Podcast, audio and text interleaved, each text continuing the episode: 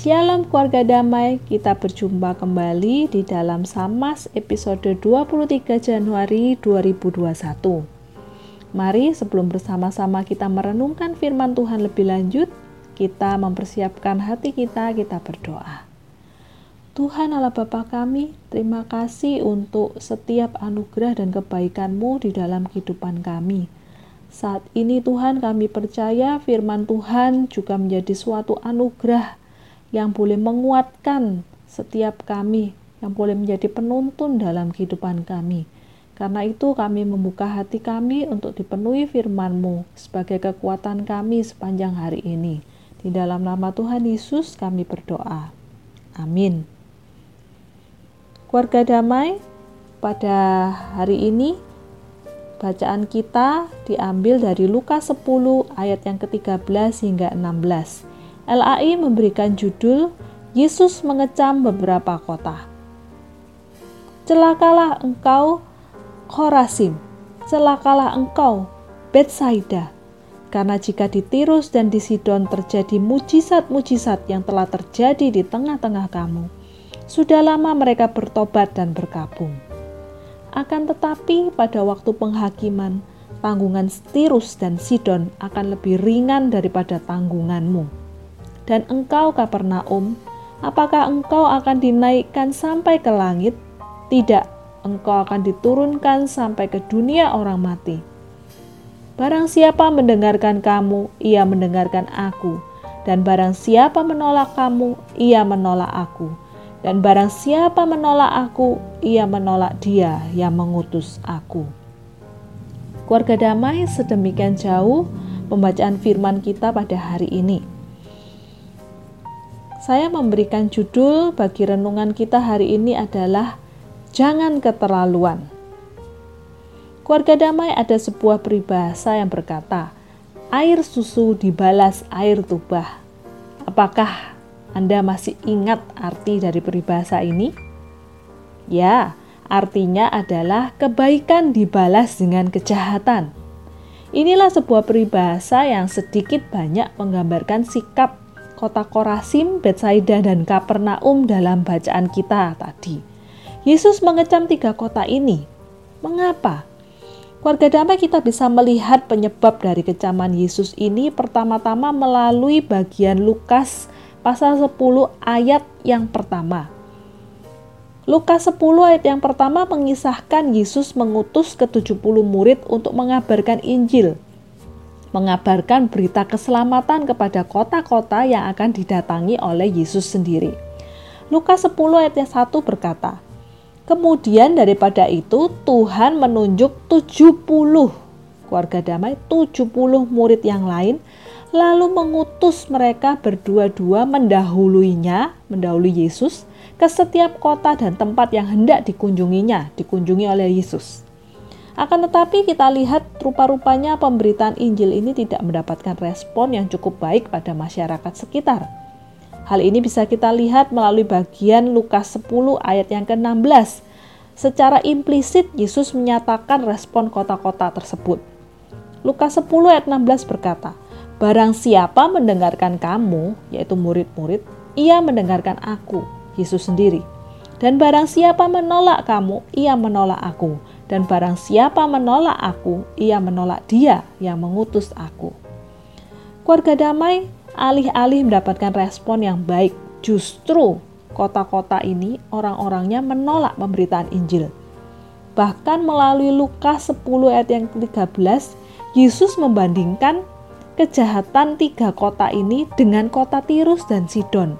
Di mana kota Tirus dan Sidon, keluarga damai, kalau kita mencari gitu ya, uh, apa sih kota Tirus dan Sidon ini, kita akan sering menemukan bahwa kota-kota ini adalah kota yang sering kali dikutuk karena kejahatan dan kesombongan mereka di dalam bagian-bagian bacaan firman Tuhan yang lain.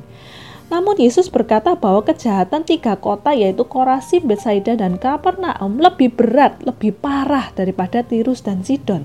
Mengapa? Lukas 10 ayat 13 berkata, Celakalah engkau Korasim, celakalah engkau Betsaida, karena jika di Tirus dan Sidon terjadi mujizat-mujizat yang telah terjadi di tengah-tengah kamu, Sudah lama mereka bertobat dan berkabung. Rupa-rupanya apa yang menjadi penyebab Yesus menyatakan tiga kota ini lebih parah daripada kota Tirus dan Sidon tidak hanya sekedar murid-murid yang telah memberitakan kabar keselamatan kepada tiga kota ini ditolak, namun bahkan ketika Yesus sendiri telah hadir di kota-kota ini untuk memberikan mujizat-mujizat, memberikan tanda yang jelas agar orang-orang di kota ini percaya akan siapa dia, akan keselamatan. Namun rupa-rupanya hal ini pun tidak membuat orang-orang di kota ini bergeming. Keluarga damai hanya satu kata yang menggambarkan sikap tiga kota ini. Terlalu, ya, terlalu. Atau kalau bahasa Jawanya itu kebacut. Itulah arti dari kecaman Yesus bagi tiga kota ini. Bagaimana tidak? Yesus sudah memberikan yang terbaik, mujizat yang seharusnya begitu jelas sebagai sebuah tanda akan keselamatan, agar orang-orang di kota ini bisa percaya namun mereka bahkan tidak hanya sekedar menolak menolak tanda itu, bahkan mereka tidak bergeming untuk percaya. Bahkan ketika Yesus sudah memberikan gitu ya, mengutus para pembawa kabar untuk sedemikian getolnya memberitakan kepada mereka, namun orang-orang di kota ini pun tidak membuka hati mereka akan keselamatan. Keluarga damai melalui bacaan kita hari ini, marilah kita juga merefleksikannya di dalam kehidupan kita saat ini.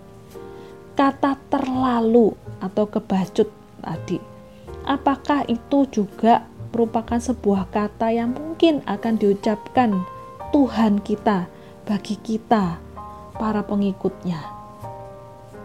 Keluarga damai sudah berapa banyak anugerah kebaikan Tuhan yang kita terima? Namun, mengapa kita masih sering kali memusatkan pikiran kita pada masalah-masalah hidup kita? Keluarga damai sudah berapa banyak bukti yang Tuhan berikan sebagai tanda yang jelas bahwa Dia mengasihi kita. Namun, mengapa sering kali kita masih meragukan kebaikannya? Sudah berapa banyak teguran, peringatan melalui kejadian-kejadian yang kita alami, namun kita masih saja terus-menerus menghidupi keberdosaan kita. Sudah berapa banyak kebenaran-kebenaran yang dibukakan melalui firman-Nya, melalui perkataan-perkataan orang di sekitar kita yang Tuhan utus. Namun kita masih sering kali meragukan Yesus sebagai Tuhan dalam hidup kita. Keluarga damai, jangan keterlaluan. Marilah kita hidup dengan lebih peka, lebih rendah hati dalam memahami peringatan-peringatannya. Bukankah banyaknya kebaikan Tuhan dalam hidup kita sudah diungkapkan dalam sebuah lirik, lirik lagu yang berjudul Agunglah Kasih Allah.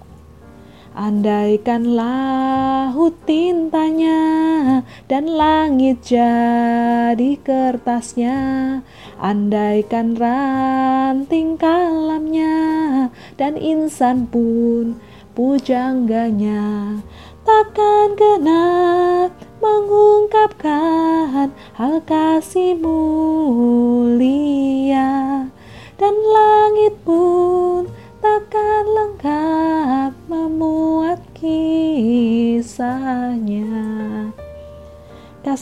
sudah begitu banyak tercurah dalam kehidupanmu. Marilah kita balas dengan rasa terima kasih, syukur yang tak berkesudahan, bukan dengan keluhan dia yang telah terpaku mati di atas kayu salib adalah sebuah tanda anugerah kebaikan yang tak terhingga. Sebuah tanda keselamatan yang jelas bagi setiap kita. Marilah kita terima dengan segenap pertobatan hidup yang terus-menerus di dalam kehidupan kita. Amin. Mari kita berdoa. Tuhan Allah Bapa kami, kami bersyukur untuk kasih Tuhan yang demikian luar biasa dalam kehidupan kami kebaikan Tuhan yang seharusnya tidak patut kami terima. Tuhan, sungguh kami rindu, kami membalasnya dengan ungkapan terima kasih syukur dalam kehidupan kami, yang boleh kami ungkapkan terus-menerus di dalam setiap kondisi hidup kami. Bahkan Tuhan kami bersyukur untuk anugerah keselamatan yang Tuhan berikan bagi kami. Biarlah kami juga membalasnya dengan pertobatan hidup yang sungguh-sungguh, yang boleh kami lakukan terus-menerus dalam kehidupan kami sehari-hari. Tuhan inilah yang menjadi seruan doa kami. Terima kasih untuk kebaikan-Mu. Di dalam nama Tuhan Yesus kami berdoa. Amin.